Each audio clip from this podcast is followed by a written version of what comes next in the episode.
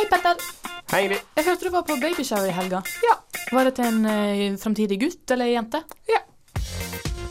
Du hører på Ordskiftet, et språkprogram på studentradioen i Bergen. I Bergen. Hello!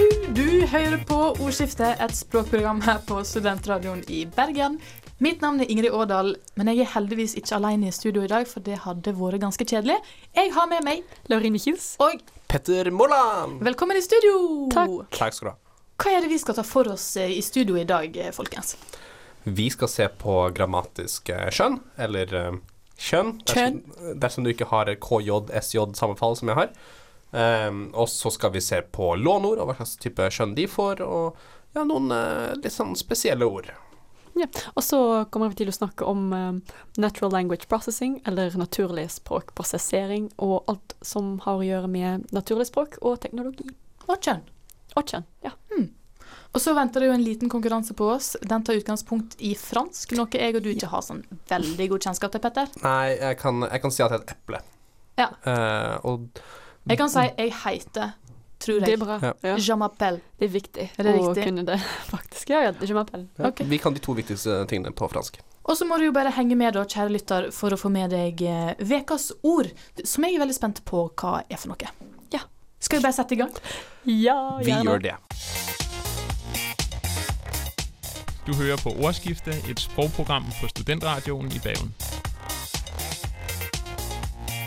Hva er vel en bedre plass å begynne enn å snakke om grammatisk kjønn, når vi her i ordskiftet skal snakke om kjønn i språket?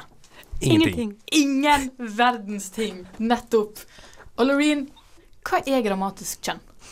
Altså, i hver språk finnes det flere kategorier uh, av ord som kan deles opp i ulike slags kjønn. Eller kjønn.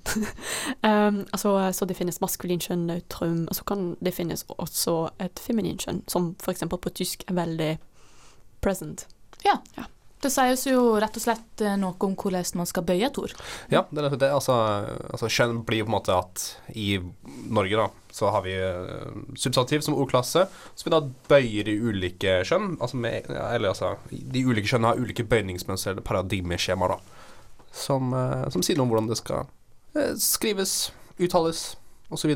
Uh, og i Norge så har vi jo da Vi har jo maskulin, eh, feminin og nøytrum i, på norsk. Ja. Eh, Bergen er jo i en litt sånn særstilling, for de har to. Mm. De har ikke femininum.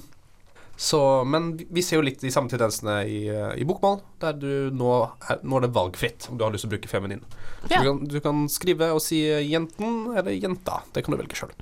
Og så på nynorsk så må vi jo bruke ein ved hankjønnsord, og så må vi bruke ei ved hokjønnsord og eit ved intetkjønnsord. Og så tenker vi ofte at det er bøyingsendinger som viser hva genus et substantiv har, men det er jo ikke alltid tilfellet. Fordi at om et substantiv f.eks. ender på a i bunden form, jenta, boka, så vet du jo med en gang at det er et hokjønnsord. Men ei ending som har er i flertall, det finner vi i substantiv både ho- hos hokjønn, bok, og hankjønn. Ven, f.eks. Vener og vener. Begge to er riktig. Ja, eh, så det er jo faste mønster stort sett, men så har du jo de her unntakene som, Ja, som dukker opp. fordi det er en, en kjent sak at det er jo litt vanskelig for flere eh, bokmålsbrukere å forstå alle de språklige retningslinjene i nynorsk, heller enn det ville vært motsatt, kanskje. Helt sånn på det generelle, da. Og det tror jeg er fordi at vi har en del Vi har veldig mange valgalternativ, spesielt etter 2012-rettskrivinga. Og den tror jeg egentlig kan være litt forvirrende av og til. Ja, eh, engelsk er jo litt lettere. Eh, sant? Der har du jo ah eller an, ut ifra hvorvidt den neste lyden er en vokallyd eller ikke. Hæ? Så du har ikke et skjønn på samme måte på engelsk. Sant? Eh, Hva som uttrykker genus i engelsk, da? Ingenting? vokallyden etterpå.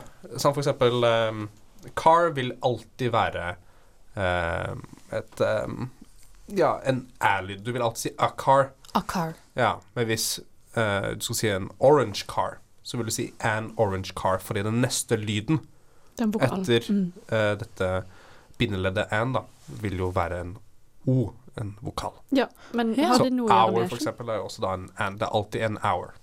Ja. Men har det noe å gjøre med skjønn? Ja, det, Eller ikke helt? det, er, eller- det er samme kategori, altså. Ah, ja, ok. For man bare Jeg tror det er bare sånn der fordi man, man har to vokaler. Man må ha en konsonant for å gjøre det flytende når man skal faktisk bruke språk, når man skal snakke. Det man kan aldri si ja, orange car, det, de høres ikke flytende ut. Man gjør det samme på fransk òg. Hmm. Har du eksempel på det? Um, yes. Um, uh, les oiseaux. Som betyr Uh, the birds. Un oiseau um, betyr a bird, og les oiseaux betyr the birds. OK, så det er leddet foran som, som Mm. avgjør, da? Ja, og le, uh, le oiseaux, kan, det skriver man, les oiseaux, og man skulle si les oiseaux, Å ja. for det gjør det mer flytende. Ja, det har med sonoriteten å gjøre. Ja, ja Sonoriteten er for noe? Eh, Det er liksom ordklang. Altså glidninger. Det høres fint ut. Hvordan uh, uttrykker man kjønn i Belgia? Um, Belgia er veldig enkelt, eller nederlandsk. På nederlandsk er det veldig enkelt. På fransk har man mange, eller har man to kjønn, men på nederlandsk har vi ikke helt det. Vi har bestemthet som kan være nøytralt eller bare um, bestemt, men det har ikke noe kjønn. Så vi har høtt en dø. Som betyr Um, Er det O, eller er det lydene, kanskje? det er det samme som ett eller en. Ja. ja. Høtt det er det samme som ett, og dø er det samme som en. Men vi har ikke noe feminin Oi! Nei. Men vi har det samme som eksempel engelsk har det med an orange car. Når vi skal snakke dialekt eller mellomspråk, for i Belgia har vi standardspråk, mellomspråk og dialekt. Og så når vi snakker mellomspråk, hvilket er språket de fleste i, i, som snakker flamsk bruker, vi, vi har, ja, når vi har to ord som har to vokaler, så bruker vi en, en binde, en, for å gjøre det litt mer flytende. For eksempel, noe som er litt dum, skulle vi kalle en og noe så lær. Men når vi har Det standard nederlandsk, eller standard flamsk. Men når det skal være på mellomspråk, skulle vi si nønn og nå nå så det, det høres litt okay. mer flytende ut Ja. enn eksempel Kanskje med litt mer øving så kunne jeg ha tatt det inn Ja. mer intuitivt. Ja. Men det er jo interessant at du sier at um, dere ikke har kjønn som uttrykker altså hokjønn, eller feminin. Nei, nei. Og det er jo noe som uh, vi òg kan uh, altså jeg tenker, trekke den parallellen videre til sammensatte ord, som ikke alltid er summen av delene. Og da sikter jeg mer spesifikt til nordmann. Nordmann eller nordkvinne. Her er noen som spurte på Språkrådet om eh, man kan eh, som kvinne kalle seg en Altså Må man kalle seg nordmann, eller kan man kalle seg en nordkvinne? Vi har faktisk det samme på nederlandsk. Vi bruker ikke kjønn når det gjelder um, artikler, men vi bruker kjønn i vår, uh, substantivene våre. Ja. Ja. Men hva kan det ha seg da at det er nordmann som eh, på en måte er det som ja, står? Ja, altså Det er lett å tenke at mann på en måte refererer til eh, det binære eh, skjønnet mann, men det er mer knytta til et felles ord for menneske, da. Mm. Så det gjelder egentlig Du kan egentlig tolke det som nordmenneske. Eh, men det er jo veldig gøy at du trekker frem nordkvinner der som et eksempel. Eh, fordi det er en satire som ble skrevet for lenge siden, eh, som heter 'Egalias døtre'. OK. Eh, jeg tror forfatteren heter Brantenberg eller sånne ting. Og den viser til et samfunn hvor ting er snudd litt opp ned. Mm. Så der er det på en måte kvinnene som undertrykker menn istedenfor. Og da har de bevisst gått inn for å bruke kvinnedømme istedenfor herredømme. De refererer til seg sjøl som kvinnesker istedenfor mennesker osv. Og, så og det, det er jo veldig interessant. Men altså da, det her er jo litteratur som gjør det det skal gjøre. Det, det presenterer et ja, potensielt problem, da. Eh, vil ta noe under lupa, stille til, stille til debatt. Mm, Sant? Det, vi, vi har jo snakket litt eh, om eh, før denne sendingen her om ordet mann, som i sen, Eller på nynorsk bruker vi jo ein. At en kan si at, Ja. at man Men vi snakker jo at mann kan si. Og det er igjen et uh, eh, Det er på bokmål, da, tenker på du. bokmål, ja. Uh, og det peker jo igjen på mann som menneske, da. Uh, men man kan jo si noe om at hvorfor skal ordet mann kunne referere til menneske som helhet, og ikke, og ikke kvinner? Hvorfor ikke Mm. Ja. kvinn kan si? Det er absolutt interessant. Men fins det noen regel om hva eh, grammatisk kjønn låneord for? Altså hvorfor sier vi f.eks. et raid eller eh, en cowboy, for å ta noen eksempel fra Språkrådet? Ja, Ja, ikke helt. Um, jo, jeg kan kanskje forklare litt, for når jeg hadde uh, svensk, uh, da lærte vi oss at ett eh, Man bruker ett som artikkel eh, når det er bare en uh, syllable. Ja, en Ja, gjenstavelse, En stavelse, eksakt det. Så når du har, skulle ha et låneord som bare har- ett stavelse, da kan det være at kanskje man skal bruke ett som artikkel. Og når de har flere stavelser, eller to, tre, sånn, da kan man uh, bruke en, eller da er det litt mer vanlig å bruke en i stedet for ett.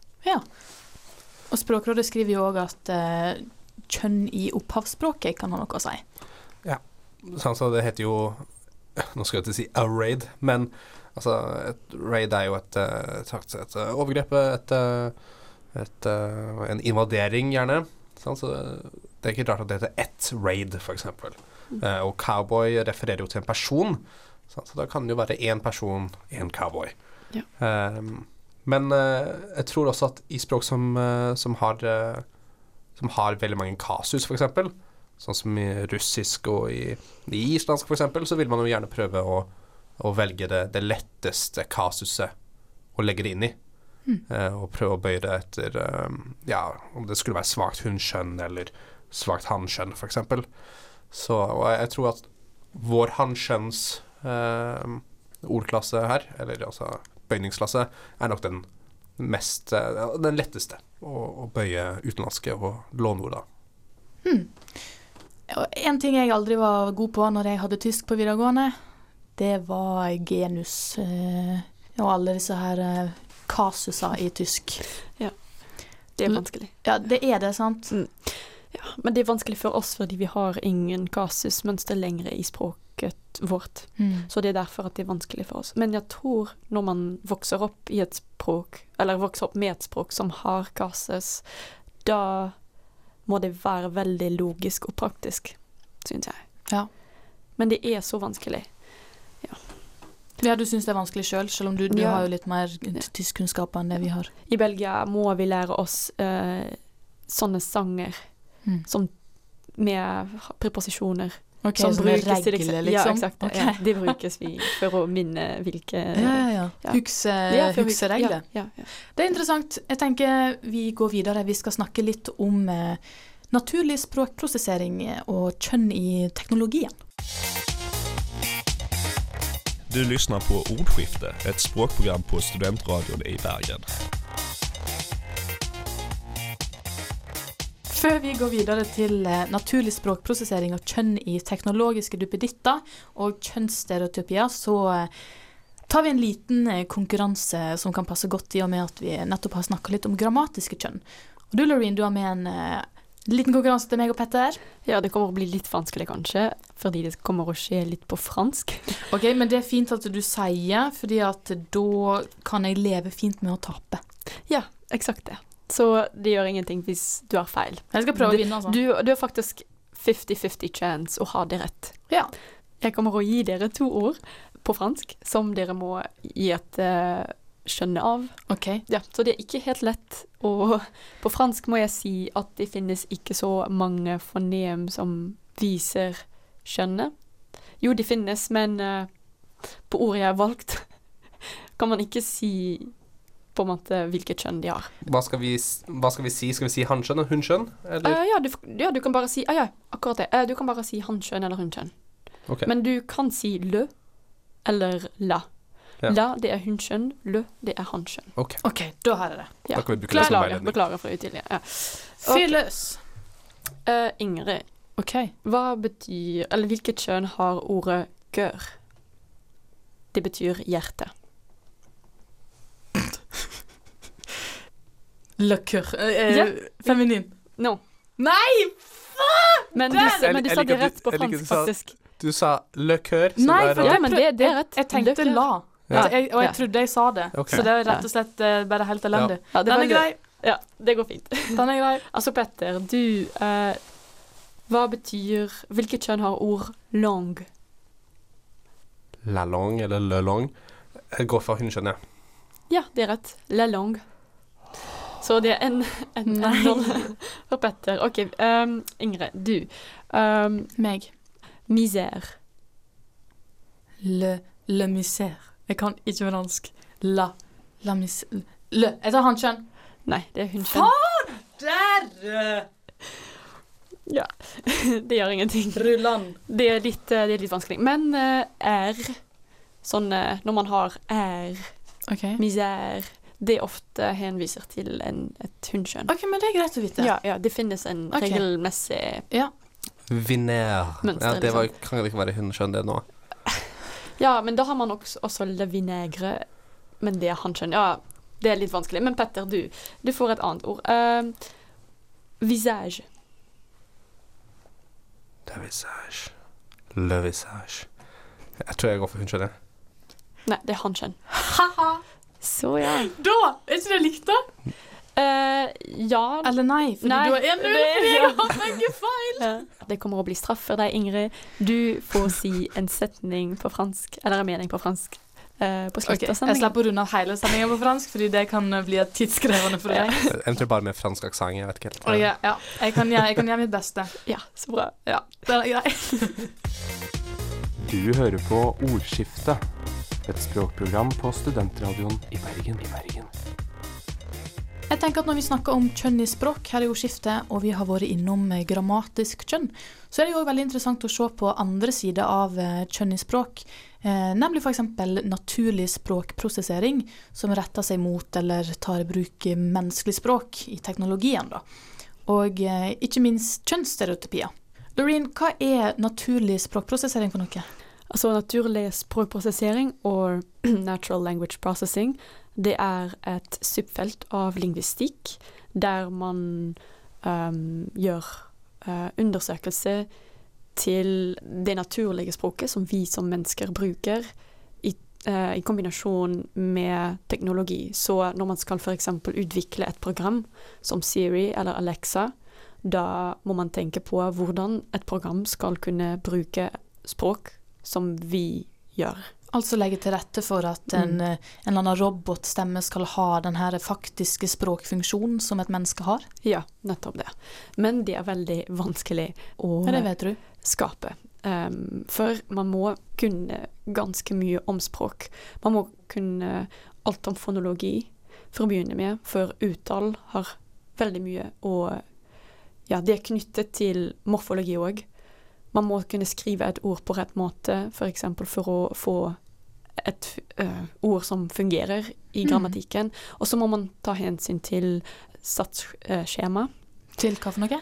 Eh, et satsskjema, det er det man lærer seg, kanskje ikke helt literally på skolen, men jeg eksempel som lærer meg eh, et nytt språk, hvilket er skandinavisk, skandinaviske språk, som svensk eller norsk, vi må lære oss et satsskjema. Sats, skjema. Og det er faktisk et skjema der det viser seg at norsk eller svensk, eh, hvilket skandinavisk språk som helst, har et fast ordfølge. Så man har et førfelt, så kommer det et uh, subjekt, verb, adjektiv, uh, så kan man ha et annet verb, et annet adjektiv, og etterpå følger et objekt. Så rett og slett en sånn steg Eh, for steg. Ja, eksakt og et adverbial. Og det kan man, alt kan plasseres i et skjema. Og dette kan være en stor hjelp når man vil programmere et program som Siri eller Alexa. For man kan ha en fast eh, Man må vite hvilket ord har hvilket, hvilken plass i en setning. Hmm.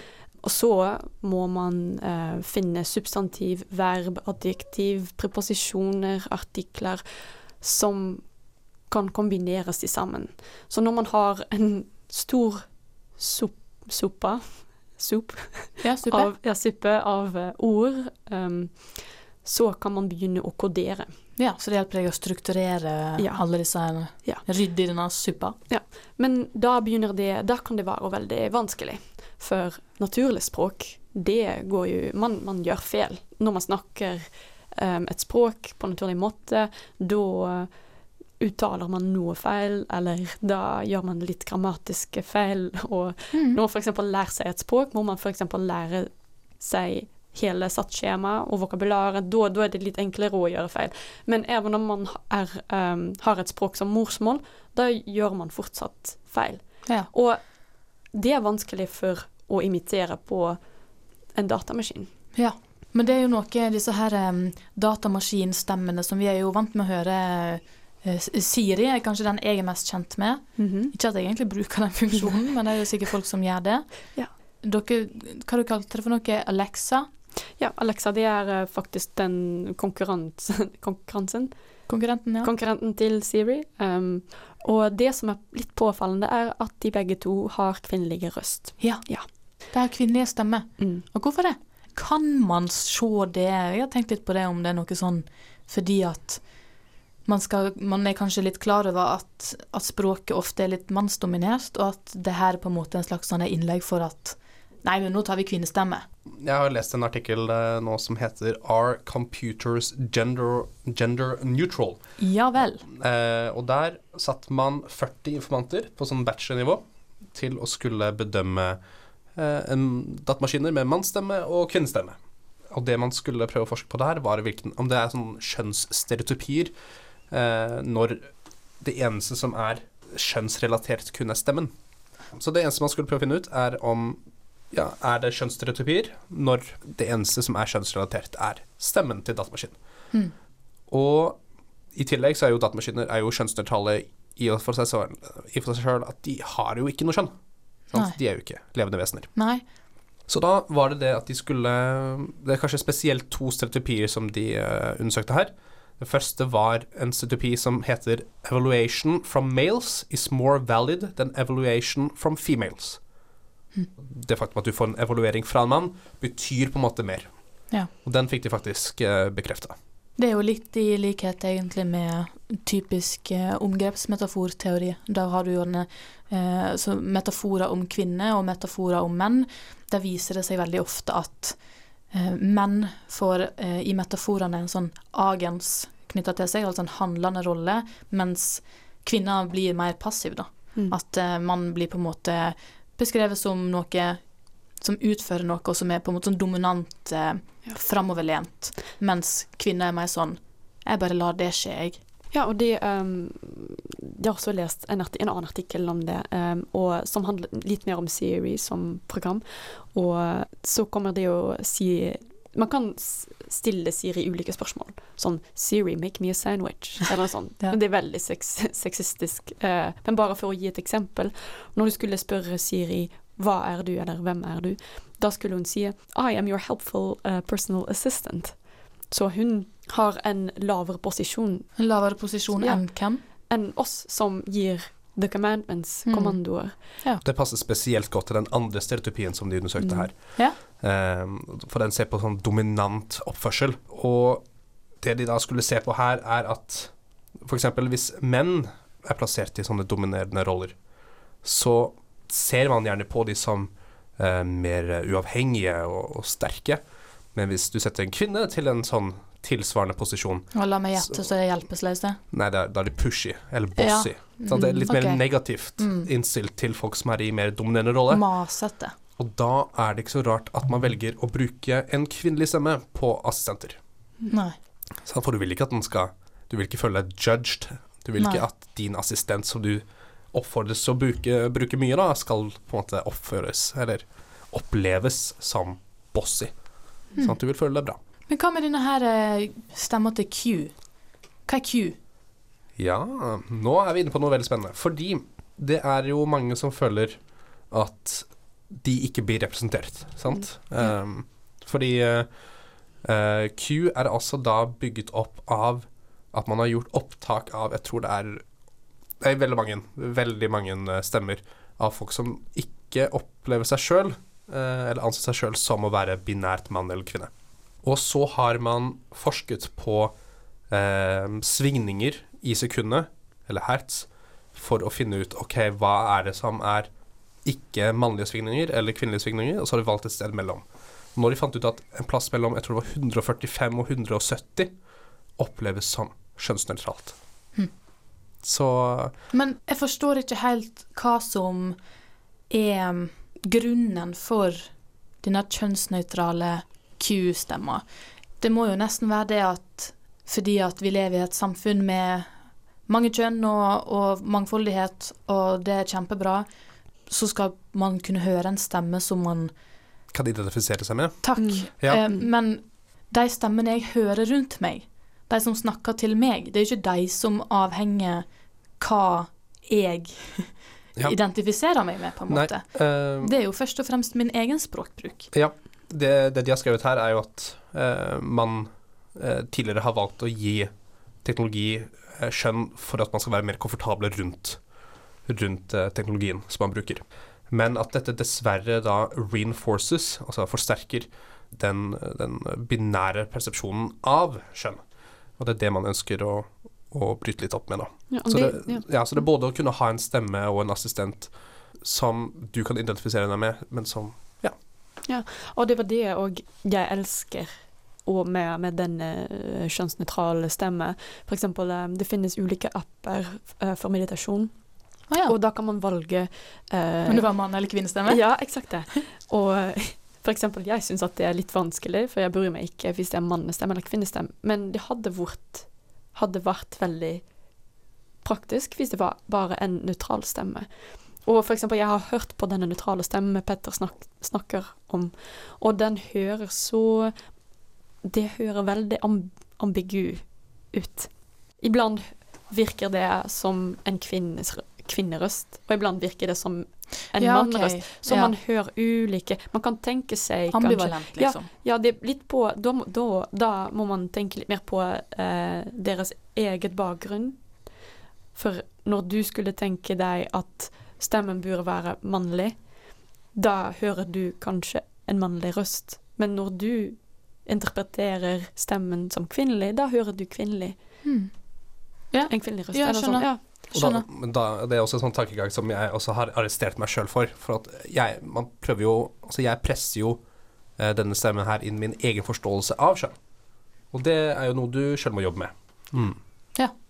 Det er veldig interessant. Eh, personlig tror jeg at eh, det har ikke så mye å si for min del, men jeg skal selvsagt ha eh, forståelse for at for noen andre så kan det bety veldig mye. Du hører på Ordskifte, et sprogprogram på Studentradioen i Bergen. Da er det tid for noe som vi ikke har gjort på en stund her i ordskiftet, nemlig Vekas ord. Og Vekas ord er eple. Og jeg har hørt at eh, det har noe med naturlig språkprosessering å gjøre. Ja, det er sant. Men eh, for å komme til eh, klimaksen til eplet, da må vi ta en liten historie om det først. OK. Hvis det går greit. Altså, Gjerne. eple. Fortell meg om eple som ord. Ja, forrige gang var det egg, nå er det eple. Veldig enkelt. Veldig enkelt. OK. Men altså Jeg skal snakke litt om Alan Turing.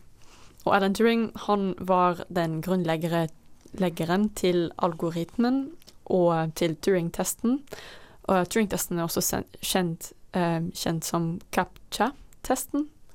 Kan jeg bare skyte inn, sånn for eh, lytteren eventuelt, hvis at man har sett filmen Ja, gjør det. The eh, Imitation Game. The Imitation Game med Benedict Cumberbatch, så er det altså hovedkarakteren der som Loreen refererer til her. Ja. Eksakt. Um, og eksempel uh, Turing-testen, det var et forsøk, forsøk på å definere en standard for når en maskin kan omtales som intelligent. Ja. Så han har lagt, eller han skapte en algoritm, algor, algorithm, ikke helt sikker hvordan det uttales, men uh, han skapte sånn uh, for å måle hvor naturlig språk, språket kan være. Så Turing-testen kan tilpasse på en datamaskin som for eksempel imiterer naturlig språk.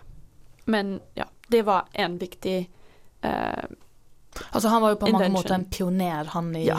Veldig stor. Han hjalp til i den andre verdenskrigen òg, eh, med spionering og sånne ting. Han var, han var med eh, sånn. banebrytende ja, i, i teknologien og da, med datamaskinen og sånne ting. Måten en datamaskin består Turing-testen, er jo dersom du ikke kan, altså som eh, dommer da, ikke kan eh, registrere hvorvidt det er en datamaskin eller et annet menneske du snakker med. Ja, akkurat det. Det er det ingen datamaskin til nå som har gjort.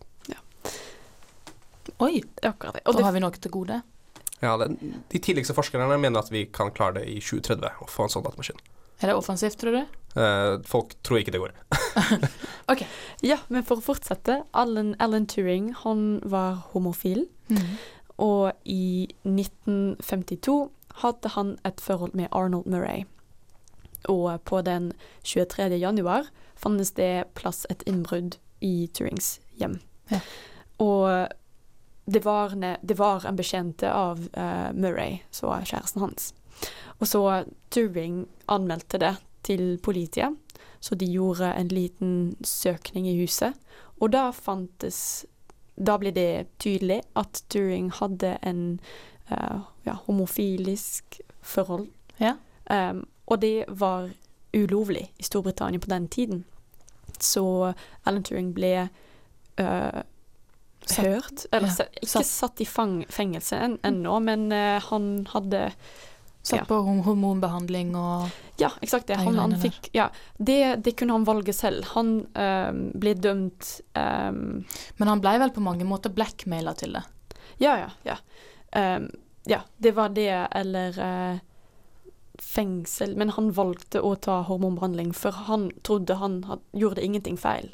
Ja. Det han følte, syntes han var riktig, og Ja. det var genuint. Og det var derfor han valgte hormonbehandling. Han skulle ikke tro at det var nødt til å sitte i fengsel for å være homofil. Selvfølgelig. Um, men ja, da valgte han uh, hormonbehandling, og han tok Det var også for å redusere libidoen hans. Og så uh, tok han uh, syntetisk østrogen og en annen kjemisk stoff som heter eh, dietylstilbestrol. Det gjorde at han fikk eh, kvinnelige bryster, og at han ble impotent. Og han ble deprimert og har tatt livet av seg Mm. um, med å Injisere er vel Ja, eh, cyanide. Mm. Så han ble eh, forgiftet eh, av cyanide. Og når man fant kroppen hans, da lo det en halv eple Ja. bredvid ham. Han hadde et halvt eple med Han han. spiste han, et halvt eple, så da kan man tenke at kanskje eplet hadde cyanid injektert. Mm, Ja. mm. Mm. Og hva er det som gjør dette relevant for uh, ja. temaet vårt i Det er ingen Snøhvit her. ingen Snøhvit historie. Men uh, for eksempel eh, den store um, teknologigiganten Apple Ja. uh, formodentlig har tatt logoen fra eh, Alan Turings uh, forgiftet eple. Det spekuleres i Det om han spekuleres, er ja. inspirasjonskilder Mm. for uh. Apple, altså. Ja. Kjempeinteressant. Ja. Tusen takk, Loreen. Ja, Vær så god. Du lyssnar på Ordskifte, et språkprogram på studentradioen i Bergen. Da er vi kommet til veiens ende for denne sendinga. Og jeg lurer litt på, Loreen, hva var ditt høydepunkt? Mitt høydepunkt var når Petter snakket litt om den kjønnsnøytrale stemmen. Jeg syns det er veldig bra at man har kommet opp med det, for så får alle ja, så får alle ha en sånn representasjon av seg selv, på en måte at ingen blir utkastet eller ja, Mm. utsatt. Du da, Petter? Ja, nei, jeg, eh, jeg syns det var veldig fint at jeg fikk etablert eh, min eh, ekspertise i fransk ved å ha én rett. Ja. Ja. Flink. Du er veldig flink. Så er det veldig Det er jo kanskje 50, Du sa 50-50? Ja. Ja, så jeg er faktisk på sannsynligheten, jeg. Mm. Og jeg syns det nå var litt interessant å høre om eh, kjønnsstereotypiene som du, Petter, tok for deg. Det er veldig interessant at det som vi gjerne bruker mot hverandre, andre mennesker, kan vi også bruke mot datamaskiner. Det, det syns jeg er veldig spennende. Ja. Og hva kan lytterne gjøre hvis de hopper litt seint inn i sendinga? Uh, så kan lyttere gå til Facebook og gi oss en liten like der. Uh, vi er også på Spotify og iTunes, så kan dere høre på oss der og følge oss på disse plattformene. På Instagram. På Instagram òg, ja, det gjør vi òg, selvfølgelig. Selvfølgelig. selvfølgelig. Men du har jo en liten straff som skal gjennomføres. Ja, det har jeg. Så jeg har kommet opp med en veldig enkelt fransk setning. Je vu sur le toit. Og hva betyr det? I have seen the cat on the roof. OK, ja, men Eller- det får jeg jo bruk ja. for sånn videre i livet òg, Hvis noen spør etter katten. for eksempel. OK? Je vu le chat toit. Ja, veldig bra. Det var veldig bra, faktisk. Ja. Nei, nå er det grei. Det, nei, Det er grei. det, det er morsmålkompetanse. Så Ja. bare skriv på CV-en at jeg kan snakke fransk på morsmålnivå. Greit, det er en fin, en fin plass å runde av. Ja. Vi snakkes. Vi snakkes. Ha det. Du hører på Ordskiftet, et språkprogram på studentradioen i Bergen. I Bergen.